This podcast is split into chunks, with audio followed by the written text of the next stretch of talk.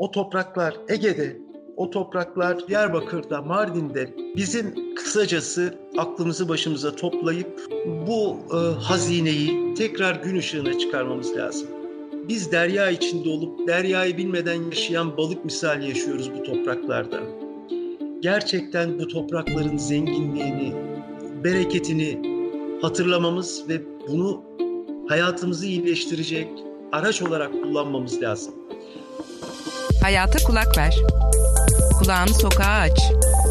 Haberi duy. Haber podcastle buluştu. Kısa Dalga Podcast. Tunç Soyer, İzmir Büyükşehir Belediye Başkanı. Kısa Dalga Podcast'te konuk olduğunuz için çok çok teşekkür ediyoruz. Bütün ekip adına onur verdiniz. Sağ olun, buyursunlar. E, liderler arasında en etkileyen cümle şu olmuştu. Kanada Başbakanı'nın ki daha ilk başlarda bunu söyledi. Hemen bunu söyledi. Siz sağlığınıza bakın.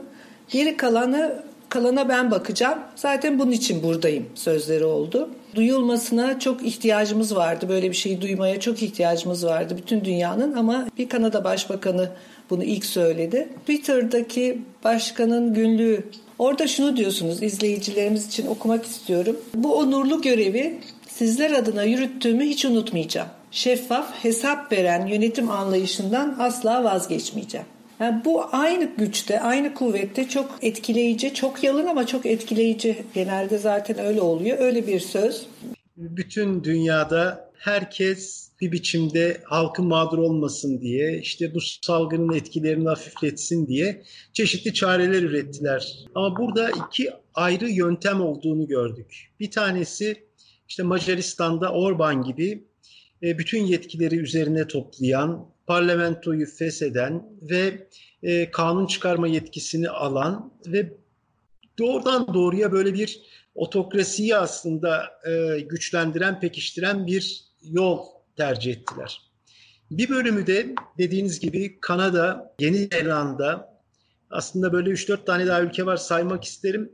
Tayvan, e, Finlandiya, Danimarka, Almanya, Yeni Zelanda.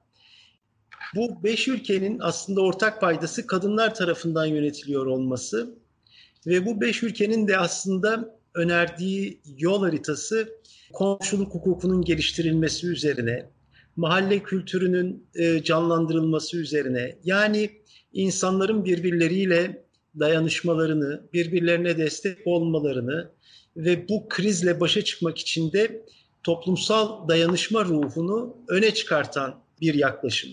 Özetle iki farklı eğilim vardı bu süreç içinde.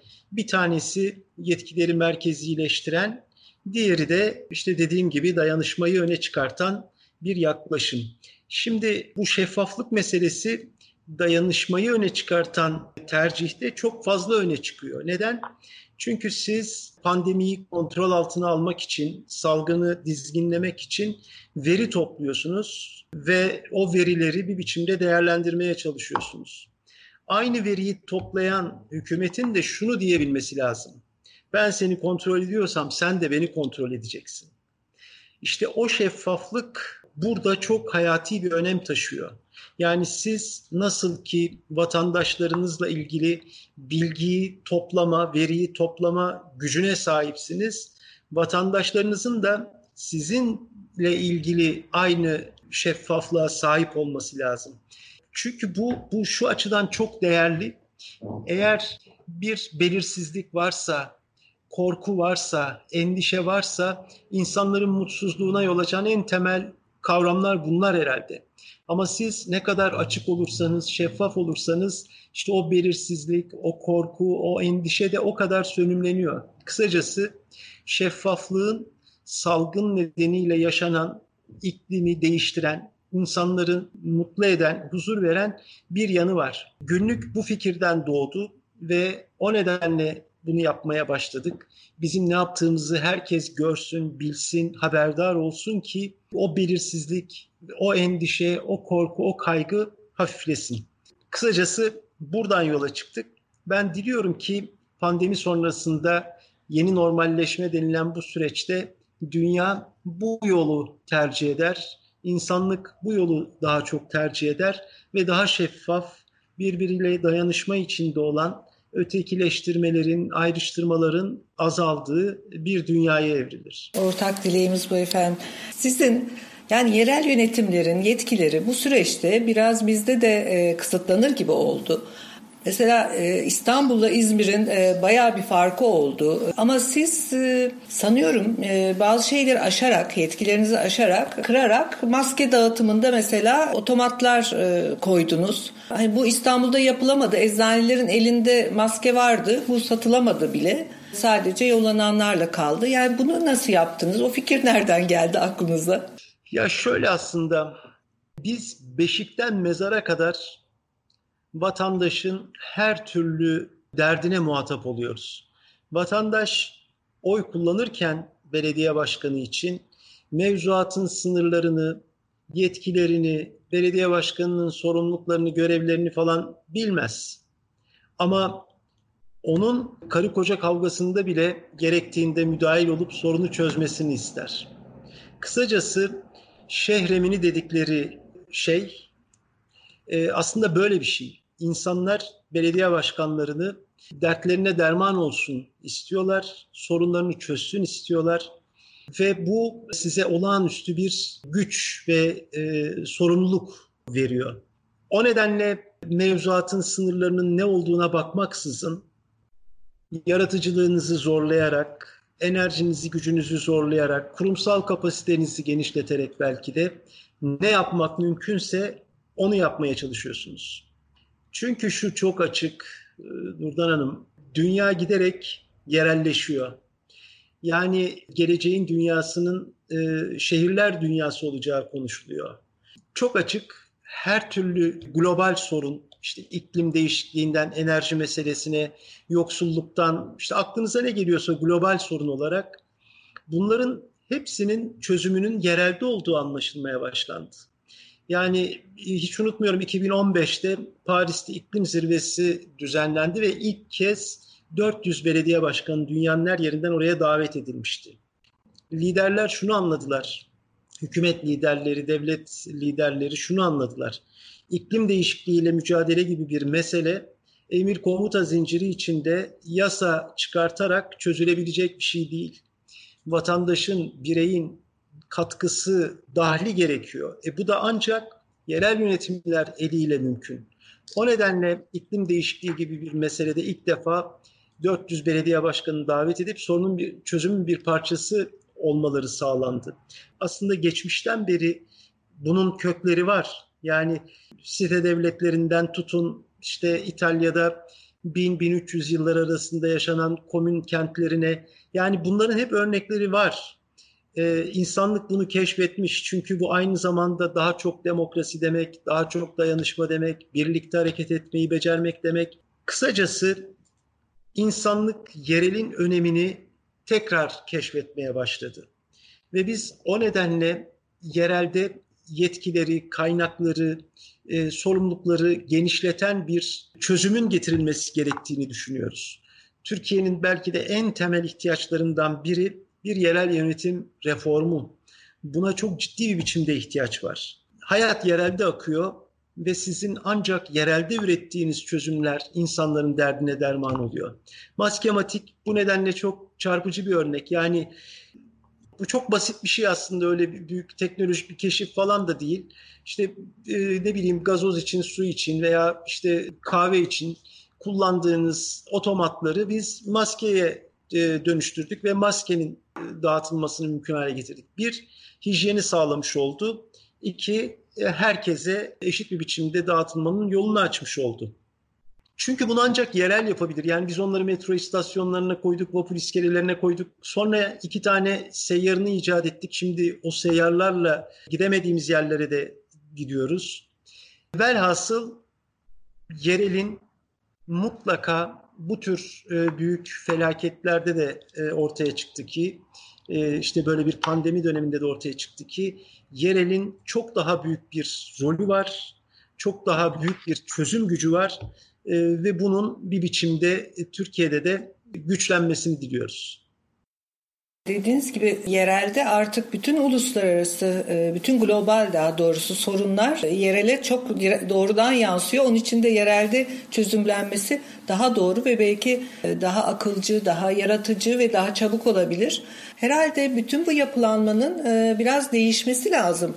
Hem yetkiler hem olanaklar açısından. Bu konuda ne düşünüyorsunuz? Şöyle çok doğru bir tespit. Bizim bu pandemi başlar başlamaz yaptığımız ilk iş bir bilim kurulu kurmak oldu. Doktorlardan, sağlıkçılardan, akademisyenlerden oluşan bir bilim kurulu kurduk. Ve o bilim kurulu aslında bize bir rehberlik yapan bir rol üstlendi. Ve aynı anda da bir kriz üst yönetim kurulu diye bir şey oluşturduk. Burada da meslek odası temsilcileri, baro başkanı, tabip odası başkanı, kent konseyi başkanı, STK'lardan temsilcilerle oluşan bir yapı oldu. Bu aynı zamanda belediyenin bürokratlarının da içinde olduğu bir yapıydı. Ve biz her pazartesi günü kriz yönetim, kriz üst yönetim kurulu adını verdiğimiz bu kurulla bir araya geldik. Şimdi yerel aktörler dediğiniz gibi yerelde yaşanan sorunlara çok hakimler, çok vakıflar. Dolayısıyla da çözüm konusunda çok daha pratik ve doğru tespit yapabiliyorlar. Hele ki bu bir ortak akıl hedefiyle bir ortak akıl çerçevesi içine oturuyorsa o zaman eksikler, yanlışlar onlar da törpüleniyor ve onlar da gideriliyor ve hızla doğru kararı, doğru uygulamayı hayata geçirme fırsatı buluyorsunuz. Çünkü bir yandan da işte o bilim kurulunun girdileri ekleniyor buraya. Onların rehberliği ekleniyor. Velhasıl biz böyle yol aldığımız için çok hızlı yol alabildik, çok doğru yol alabildik evet. ve gerçekten hem salgının etkisini hafifletmeyi başardık hem de bir yandan salgının yarattığı tahribatı, insanların hayatındaki e, yoksullaşmayı giderecek işler yapabildik. O nedenle e, bunun bir bizim için ilham verici bir yanı var. Biz bu döneme kriz belediyeciliği adını vermiştik. Bundan sonra yapacağımız belediyeciliğe de iki ana aks oluşturduk. Biri sosyal belediyecilik dediğimiz bir aks, diğeri de demokrat belediyecilik dediğimiz bir aks. Önümüzdeki dönem belediyeciliğin bu iki ana aks üzerinden yürümesi gerektiğine karar verdik. Yani sosyal dediğiniz şey dayanışmayı sürdüren, kentin kılcallarına yayan ve bunu öne çıkartan bir belediyecilik anlayışı. Diğeri de ortak aklı hakim kılmaya gayret eden bir belediyecilik anlayışı. Yani o üst e, kriz üst yönetim kurulundaki arkadaşlara da onu söyledik. Ee, evet pandemi bitiyor, kriz sönümleniyor ama şimdi sizlerle bu sefer e, demokratik belediyecilik başlığı altında toplantıları sürdüreceğiz. Yani göreviniz bitmiyor ama bir misyon değişecek. Bundan sonra birlikte belediyede e, bu şehirde nasıl bir yönetim anlayışı ortaya çıkartabiliriz? Bunu test etmeye, bunu bunun yollarını bulmaya başlayacağız. Bu yerel politikacıların, e, yerel önderlerin, liderlerin e, yükselişi ulusal politikacılara da ilham olacak mı? Sanki öyle de bir eğilimdeyiz. Yani e, yerelden çıkan bu hareket, bu ruh, dayanışma belki ulusal politikacılara da bir yol gösterir ve ilham verir diyorum. Kesinlikle katılıyorum. Çünkü pandemi bize çok şeyi hatırlattı hafızalarımızı tazeledik. Yani işte komşuluk kültürü, e, işte vicdanımız canlandı, dirildi. Birçok şey oldu aslında. Ama galiba en çok toplumsal dayanışmanın ne kadar kıymetli olduğunu hatırlattı bize. Dolayısıyla e, başka bir dünyanın mümkün olduğunu görmeye başladı insanlar. Ben e, o e, ulusal liderlerin e, o büyük tepelerdeki yöneticilerin yerelden çıkmaya daha çok devam edeceğini düşünüyorum. Onları değiştirmeye yetmeyebilir gücümüz ama bizim yerelden çıkartacağımız politikacılarla e, bu hikayeyi değiştirmek e, mümkün olabilecek.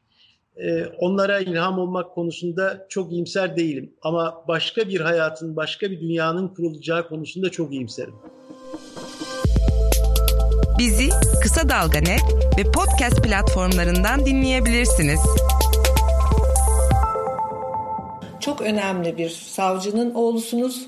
e, o savcı ki daha 1971'de belki de tek ilk olduğu kesin de tek olduğunu çek edemediğim için söylemiyorum ama Fethullah Gülen hakkında bir iddianame sundu ve kazandı. 3 yıla mahkum etti Fethullah Gülen'i 71 yılında. Böyle bir büyük bir savcının oğlusunuz. Babanızın etkisiyle mi hukuk okumak istediniz? Tabii ki başka şeyler de vardır da o dönem mesela tehdit oluşturdu mu bu sizin e, küçücük bir çocuk olarak yaşantınızda bunları nasıl yaşadınız? Bunlar yani bugünkü varlığınızda tabii ki bütün bu yaşadıklarımız etkili oluyor da biraz o konuda e, söz eder misiniz? Evet yani biz polis korumasında okula gidiyorduk. Ben yatılıydım gerçi. E, sadece hafta sonları polis korumasıyla karşılaşıyordum ama kardeşim St. Joseph'te okuyordu. O her gün okula polis korumasıyla gidiyordu. Doğru o dönemlerde ciddi tehdit almıştık ve uzun zaman devam etti bu. Ama tabii ki bu benim hukuk tercihimde babamın mesleği ve onun saygın kişiliği çok etkili oldu. Ama başka sebepler de var. Devam zorunluluğu yoktu hukukta. Böylece tiyatro yapabilecektim. Bu da önemli bir etken benim için o tercih yaparken. Bir de başından beri fen bilimlerinden çok sosyal bilimlere daha çok ilgili oldum çocukluğumdan itibaren. Dolayısıyla ya siyasal ya hukuk gibi e, önümde böyle bir seçenek vardı.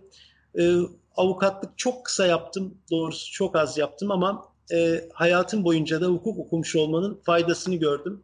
Herkese de onu söylerim, gençlere de. Yani hukuk bir e, bir çerçeve verir, bir perspektif verir ve kolaylaştırır hayatınızı anlamayı kolaylaştırır. Hele biraz hukuk felsefesine ilgiliyseniz falan filan. Neyse oraya çok uzun girmek istemem ama sadece hukuk e, benim için iyi ki okudum, iyi ki e, okudum dediğim bir disiplin. Evet, devam mecburiyeti önemli bir şeydi. Evet. Bizde vardı gerçi ama arkadaşlar sağ olsun benim yerime imza atarlardı. ben de o sayede Milliyet Gazetesi'nde çalışabiliyordum. ben de o sayede tiyatro yapabildim, işte gazetecilik evet. yaptım falan. Hani... Yani o kadar önemli şeyler ki bunlar efendim. Üstelik de sizin yaptığınız kurumlar. Birisi Ankara Sanat Tiyatrosu, tiyatronun bir direği. Diğeri Türk Haberler Ajansı. Bizim Türk basınında Türk Haberler Ajansı çok çok önemli bir yeri vardır. Böyle önemli kurumlarda önemli şeyler yapmışsınız. Bir tarafta üniversitede okurken. Tabii bir de bal var. E, Bornova Anadolu Lisesi. Kısaca Ballı olmak nasıl bir şey? Anadolu liselerine nasıl bakıyorsunuz? O konuda da eğitim o kadar önemli ki artık en önemli şey e, ülkemizde.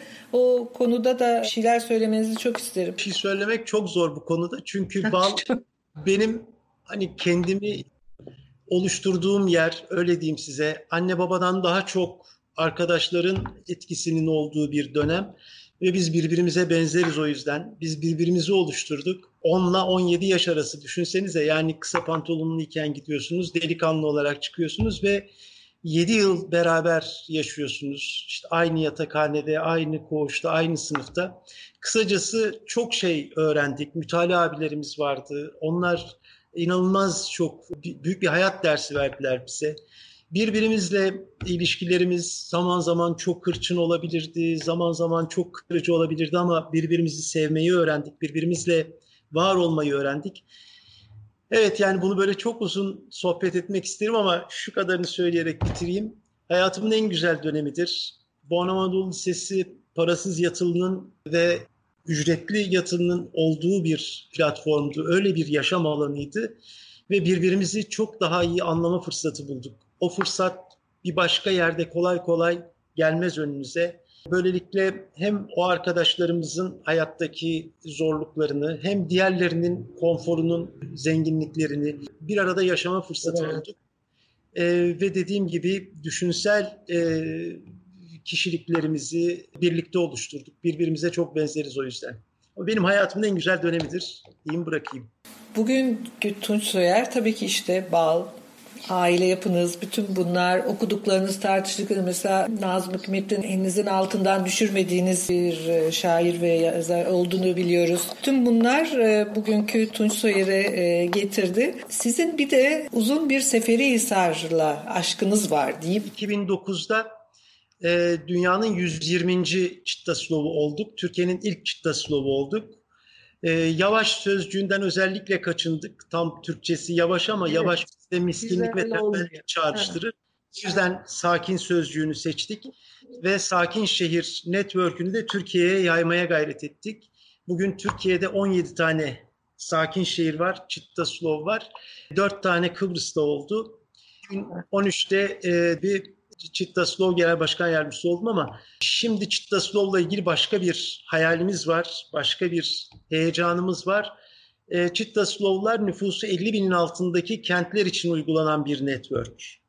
Yani dünyada bütün Çittaslovlar e, nüfusu 50 binin altındaki kentler için e, mümkün. 72 kriteri hayata geçirmeniz gerekiyor ve bunları yaptıktan sonra bu ünvanı alabiliyorsunuz. Ama şimdiki heyecanımız İzmir'i Çittaslov metropol yapmak, dünyanın ilk Çittaslov metropolü yapmak ve bunu da şöyle yapmayı hayal ediyoruz ve onun çalışmasına başlıyoruz. 1200 e, mahalleden oluşuyor İzmir. Her bir mahallede Çittaslov kriterlerini, o 72 kriteri uygulamaya sokmak istiyoruz. Bunun için de 10 tane farklı tipte mahalleyi seçip nüfusu az olan, çok olan, kırsalda olan, olmayan, dışarıdan göç almış olan, olmayan ve benzeri 10 tane ayrı e, özellikler taşıyan mahalleyle başlayacağız. O 10 mahallede Çittaslov kriterlerini hayata geçireceğiz ve bunu bütün kentin mahallelerine yaymak istiyoruz. Dolayısıyla Çittaslov macerası Seferihisar kapanınca bitmedi. Tam tersine çok daha büyük bir hayali Çittaslov Genel Merkezi'nde başkan, genel sekreter ve diğer yönetim kurulundaki arkadaşlarla beraber bunu hayal ediyoruz şimdi. İzmir'i metropol e, Çittaslov yaptıktan sonra şimdiden talip olan işte Paris var, Barcelona var. E, yavaş yavaş bütün dünyaya da bunu tanıtmaya başlayacağız. Yani hani karıncaya sormuşlar ya buradan nasıl gideceksin Kabe'ye kadar çok uzun yol. Valla o yolda yürümek yeter demiş. Yani bizde bu belki hiçbir zaman bitmeyecek bir e, süreç, hiçbir zaman sonunu görmeyeceğim. Ama bu yolculuğu başlatmak ve bu hedefi koymak son derece heyecan verici, son derece değerli. Çünkü her bir mahallede o kriterlerle ilgili yapılacak her şey insanların hayatını iyileştiren, onlara dokunan sonuçlar ortaya çıkaracak. O yüzden çok heyecan verici. Katıldığınız bir e, programda çocukluğumuzdaki e, şey kendi kendine yeten Türkiye'den söz ediyordunuz. E, ben de size şunu sormak istiyorum. Yani kendine yeten şehir mümkün mü peki? Kesinlikle. Yani şöyle söyleyeyim. Şimdi bu pandemi süreci bir yandan kendi içinize kapanmanızı gerektiriyor. Yani pandemiyle mücadele ve ondan sonra kurulmaya başlanan bu yeni normal hayat e, kendi içinize kapanmayı gerektiriyor. Ama bu bu doğru değil. Yani bizim aslında uluslararası dayanışmayı güçlendirmemiz lazım ki bu salgının etkilerini azaltabilelim. Bu başka bir şey. Yani o uluslararası dayanışmayı güçlü kılmak ve daha paylaşmak, daha çok deneyim alışverişinde bulunmak, bunu yapmak mecburiyetindeyiz. Ama kendi kendine yeten ekonomi başka bir şey. O da şu. Bu pandemi süreci bize aslında gösterdi ki İsrail'den eğer domates tohumu alamazsak ve biz bunu yetiştiremezsek domates yiyemeyeceğiz. Ve olabilirdi ki o tohumlar gelmeyebilirdi. Şimdi bizim şansımız Anadolu gibi dünyanın en bereketli topraklarında yaşıyoruz. İnsanlığın avcılık toplayıcılıktan yerleşik hayata geçtiği bir coğrafya. Dolayısıyla da olağanüstü bereketli, çok zengin bir coğrafya. Biz e, ne yazık ki e, topraklar bereketini kaybetmedi. Yağmur devam ediyor. Tepede güneş hala var. Ama biz vazgeçtik. Biz yanlış tarım politikaları nedeniyle buradan uzaklaştık ve kendi kendine yeten bir ekonomiyken Türkiye e, dışarıdan işte gübre ithal eden, tohum ithal eden, saman ithal eden bir ülke haline geldik. Bu bir kader değil, bu bir mecburiyet değil. Çünkü orada duruyor. Yani o topraklar Ege'de, o topraklar e, Diyarbakır'da, Mardin'de bizim kısacası aklımızı başımıza toplayıp bu e, hazineyi tekrar gün ışığına çıkarmamız lazım. Biz derya içinde olup deryayı bilmeden yaşayan balık misali yaşıyoruz bu topraklarda.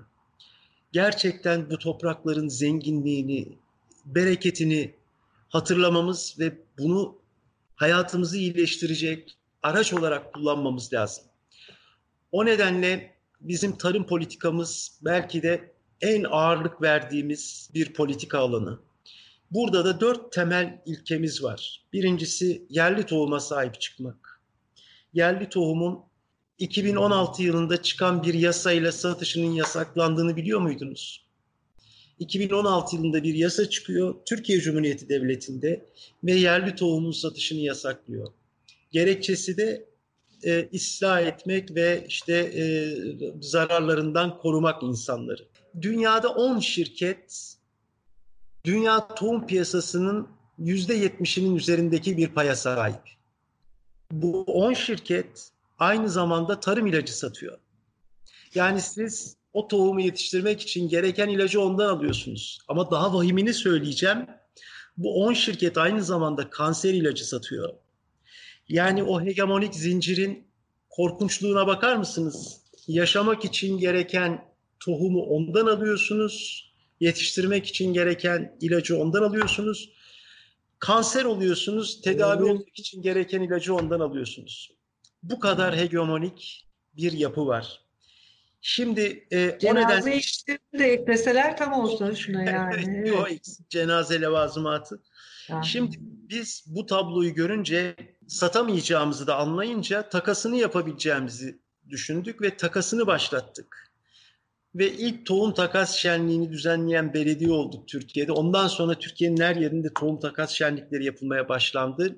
Ve yerli tohumun değeri ortaya çıktı. Bizim ilk tohum takasta aldığımız bir avuç kara kılçık buğdayı tohumu bugün yüzlerce dönüme ekiliyor bin dönümün üzerinde ektik. Ee, bu sizin e, kara kılçık hikayenizi bir okusunlar internette diyeceğim. Kapattım pardon. Benim gençlik hayalim dünyayı kurtarmaktı Nurdan Hanım. Seferihisar'a belediye başkanı olunca şunu idrak ettim. Dünyayı kurtarmak evet bundan vazgeçmedim. Hala inanıyorum. Ama bunun Seferihisar'dan başlayarak yapılacağını anladım. Yani bizim önce o küçük ölçekte mahallemizde, köyümüzde, ilçemizde, ilimizde başka bir dünyanın mümkün olduğunu göstermemiz lazım ki dünya değişebilsin. Döneyim ben tarım meselesine. Bir yerli tohuma sahip çıkmak dedik. İki, bunu kooperatif çatısıyla yapmak. Üç, tarımsal ürünü mutlaka işleyip dönüştürmek, mümkünse sanayi ürününe dönüştürmek. Ve dört, teknolojinin ve bilimin bütün imkanlarını kullanarak, tasarımın yaratıcılığını kullanarak bunu en iyi şekilde coğrafi işaretiyle, patentiyle paketleyip, ambalajlayıp dünyanın her yerine götürmek. Bu dört başlıkta biz tarım politikamızı sürdürmeye devam ediyoruz. Böyle yapacağımız için de bütün Türkiye'ye ve İzmir'e ve bütün dünyaya başka bir tarımın mümkün olduğunu göstereceğiz. Bu anlattığınız dört adım tarımda bir örnekle verdiniz. Belediyecilikte başka konularda da aynı yöntemleri mi uygulamayı düşünüyorsunuz? Çünkü bu artan sorumluluklar, çok e, buna karşı yetersiz kalan imkanlar, e, bütün bu dengesizlik içinde diğer konularda da önünüzü açmak ve sorunları çözmek için uzmanlarıyla çalışmak, yeni şeyler üretmek. Bu yapılandırma, şu anlattığınız demin iki koldan yürüteceğiniz, yeni planladığınız girişim de öyle. Bunları neye hep dayandırarak ekibe ekip çalışması mı nedir sizi motive eden ve yaptığınız? Aynen öyle. Ben e, bu çağın aslında e, kahramanlıklar çağını geride bıraktığını düşünüyorum.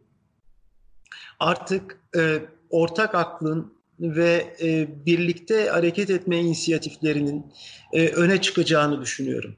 E, pandemi süreci de bunu gösterdi aslında. E, başarılı örneklerin ortak aklı hakim kılan örnekler olduğunu gördük. Kısacası biz de e, belediyede e, ve bütün İzmir'de gönüllü katılımı, gönüllü çalışmayı e, ve ortak aklı geliştiren çalışmalar yapmak istiyoruz. Çünkü oradan erişeceğimiz sonuçların e, çok daha e, çözüm üreten sonuçlar olacağını gördük. Hayatımız bu deneyimle geçti. O nedenle burada da bunu yapmaya devam edeceğiz.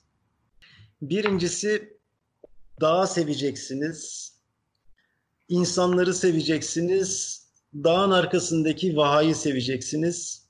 Yani insanların daha iyi bir hayata layık olduğuna inanacaksınız ve onun mümkün olduğunu biliyorsanız da el birliğiyle oraya doğru yürümeye çalışacaksınız. Aslında bu kadar basit. Yani Nazım'ın elimin altında devamlı olmasının sebebi odur. Ben hayatı seviyorum, ben insanları seviyorum ve birlikte buna muktedir olduğumuzu biliyorum. Daha iyi bir dünyayı kurabiliriz, daha güzel bir dünyayı yaratabiliriz. Ee, olağanüstü güzel bir e, ha, yani bu, bu kainat muhteşem bir şey. Yani ve çok şanslıyız burada yaşıyoruz. Dolayısıyla biz bunu başarabiliriz. Bu bir yolculuk ve bu yolculuk beraber yürünmesi gereken bir yolculuk. Bu sevgi varsa ya İngilizlerin çok güzel bir lafı var. Bir işi yapmanın bir, yapmamanın bin sebebi vardır diyor. Yapmamanız için o kadar çok şey var ki aslında.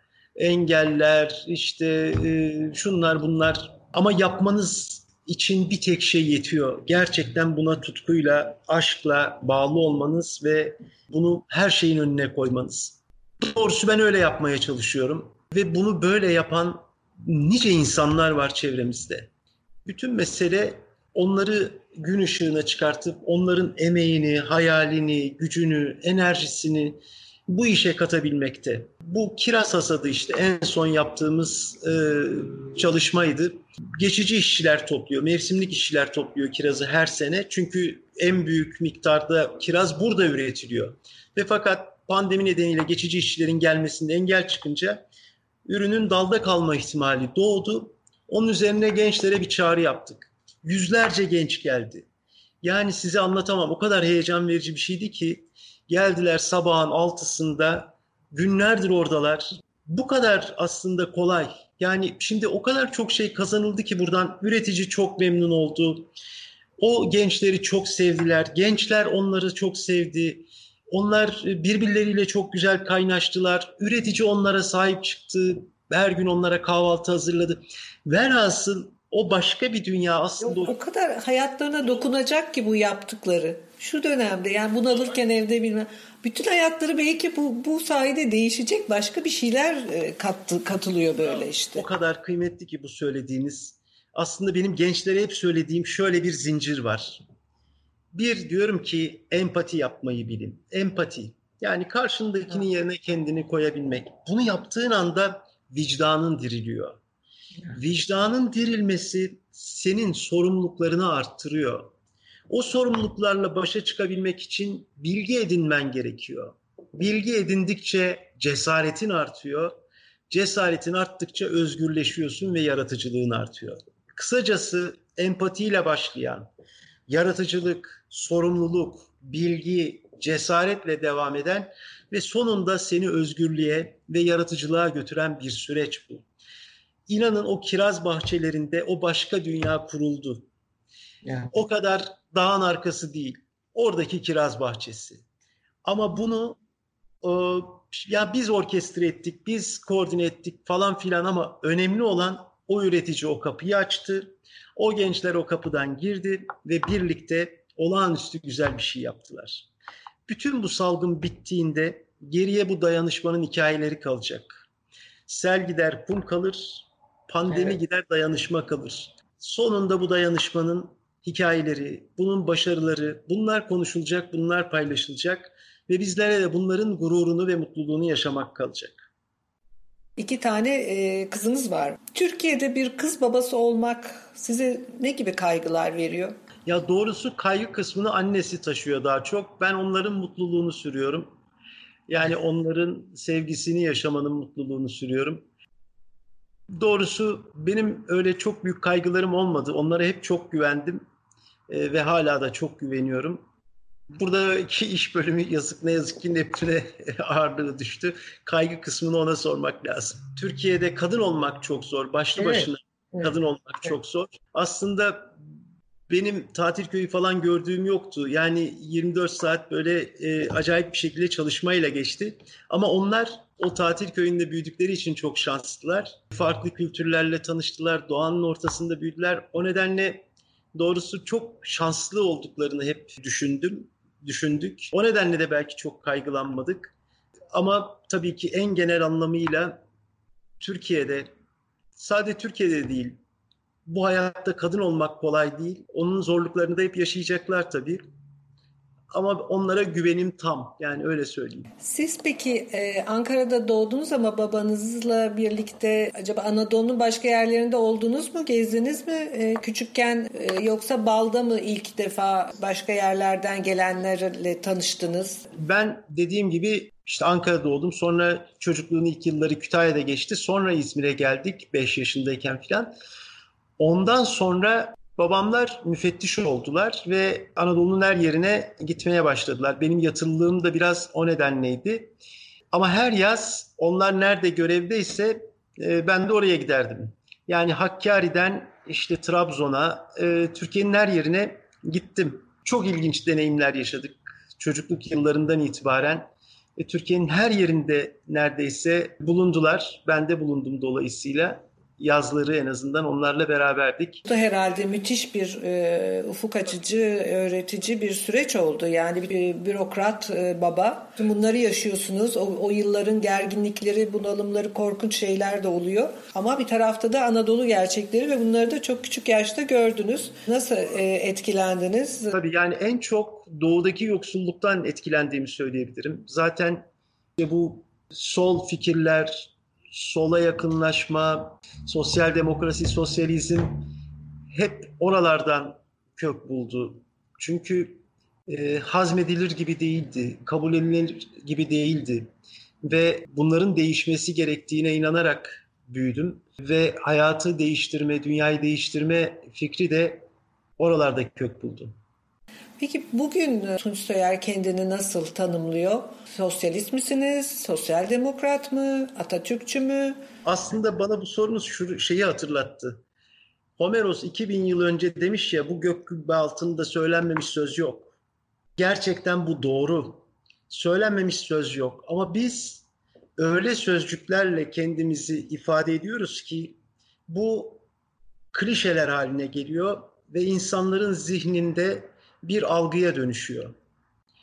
Ve bu algıları değiştirmek, kırmak çok zor. O nedenle ben bu klişelerle kendimi ifade etmeyi doğru bulmuyorum. Yani ben belki en basit şekliyle vicdanı ve biraz da vizyonu olan bir adamım diyebilirim. Yani vicdanım çok şükür dipdiri duruyor ve bunun üzerine bir parça da vizyon katabildim hayatım boyunca. Kısacası hayatı değiştirme idealinden hiç vazgeçmedim. Başka bir dünya kurma hedefinden hiç vazgeçmedim. Çünkü bunları yapmaya muktedir olduğunu düşündüğüm bir vicdanım ve bir vizyonum var. Dizi izlemeye devam edeceğiz. Bu değerli vaktinizi ayırdığınız için çok teşekkür ediyoruz. Sağ olun. Ben de çok teşekkür ediyorum. Sizinle sohbet etmek çok hoştu. Ee, çok teşekkür ediyorum. Haber podcastle buluştu. Kısa Dalga yayında. Bizi Kısa Dalga Net ve podcast platformlarından dinleyebilirsiniz.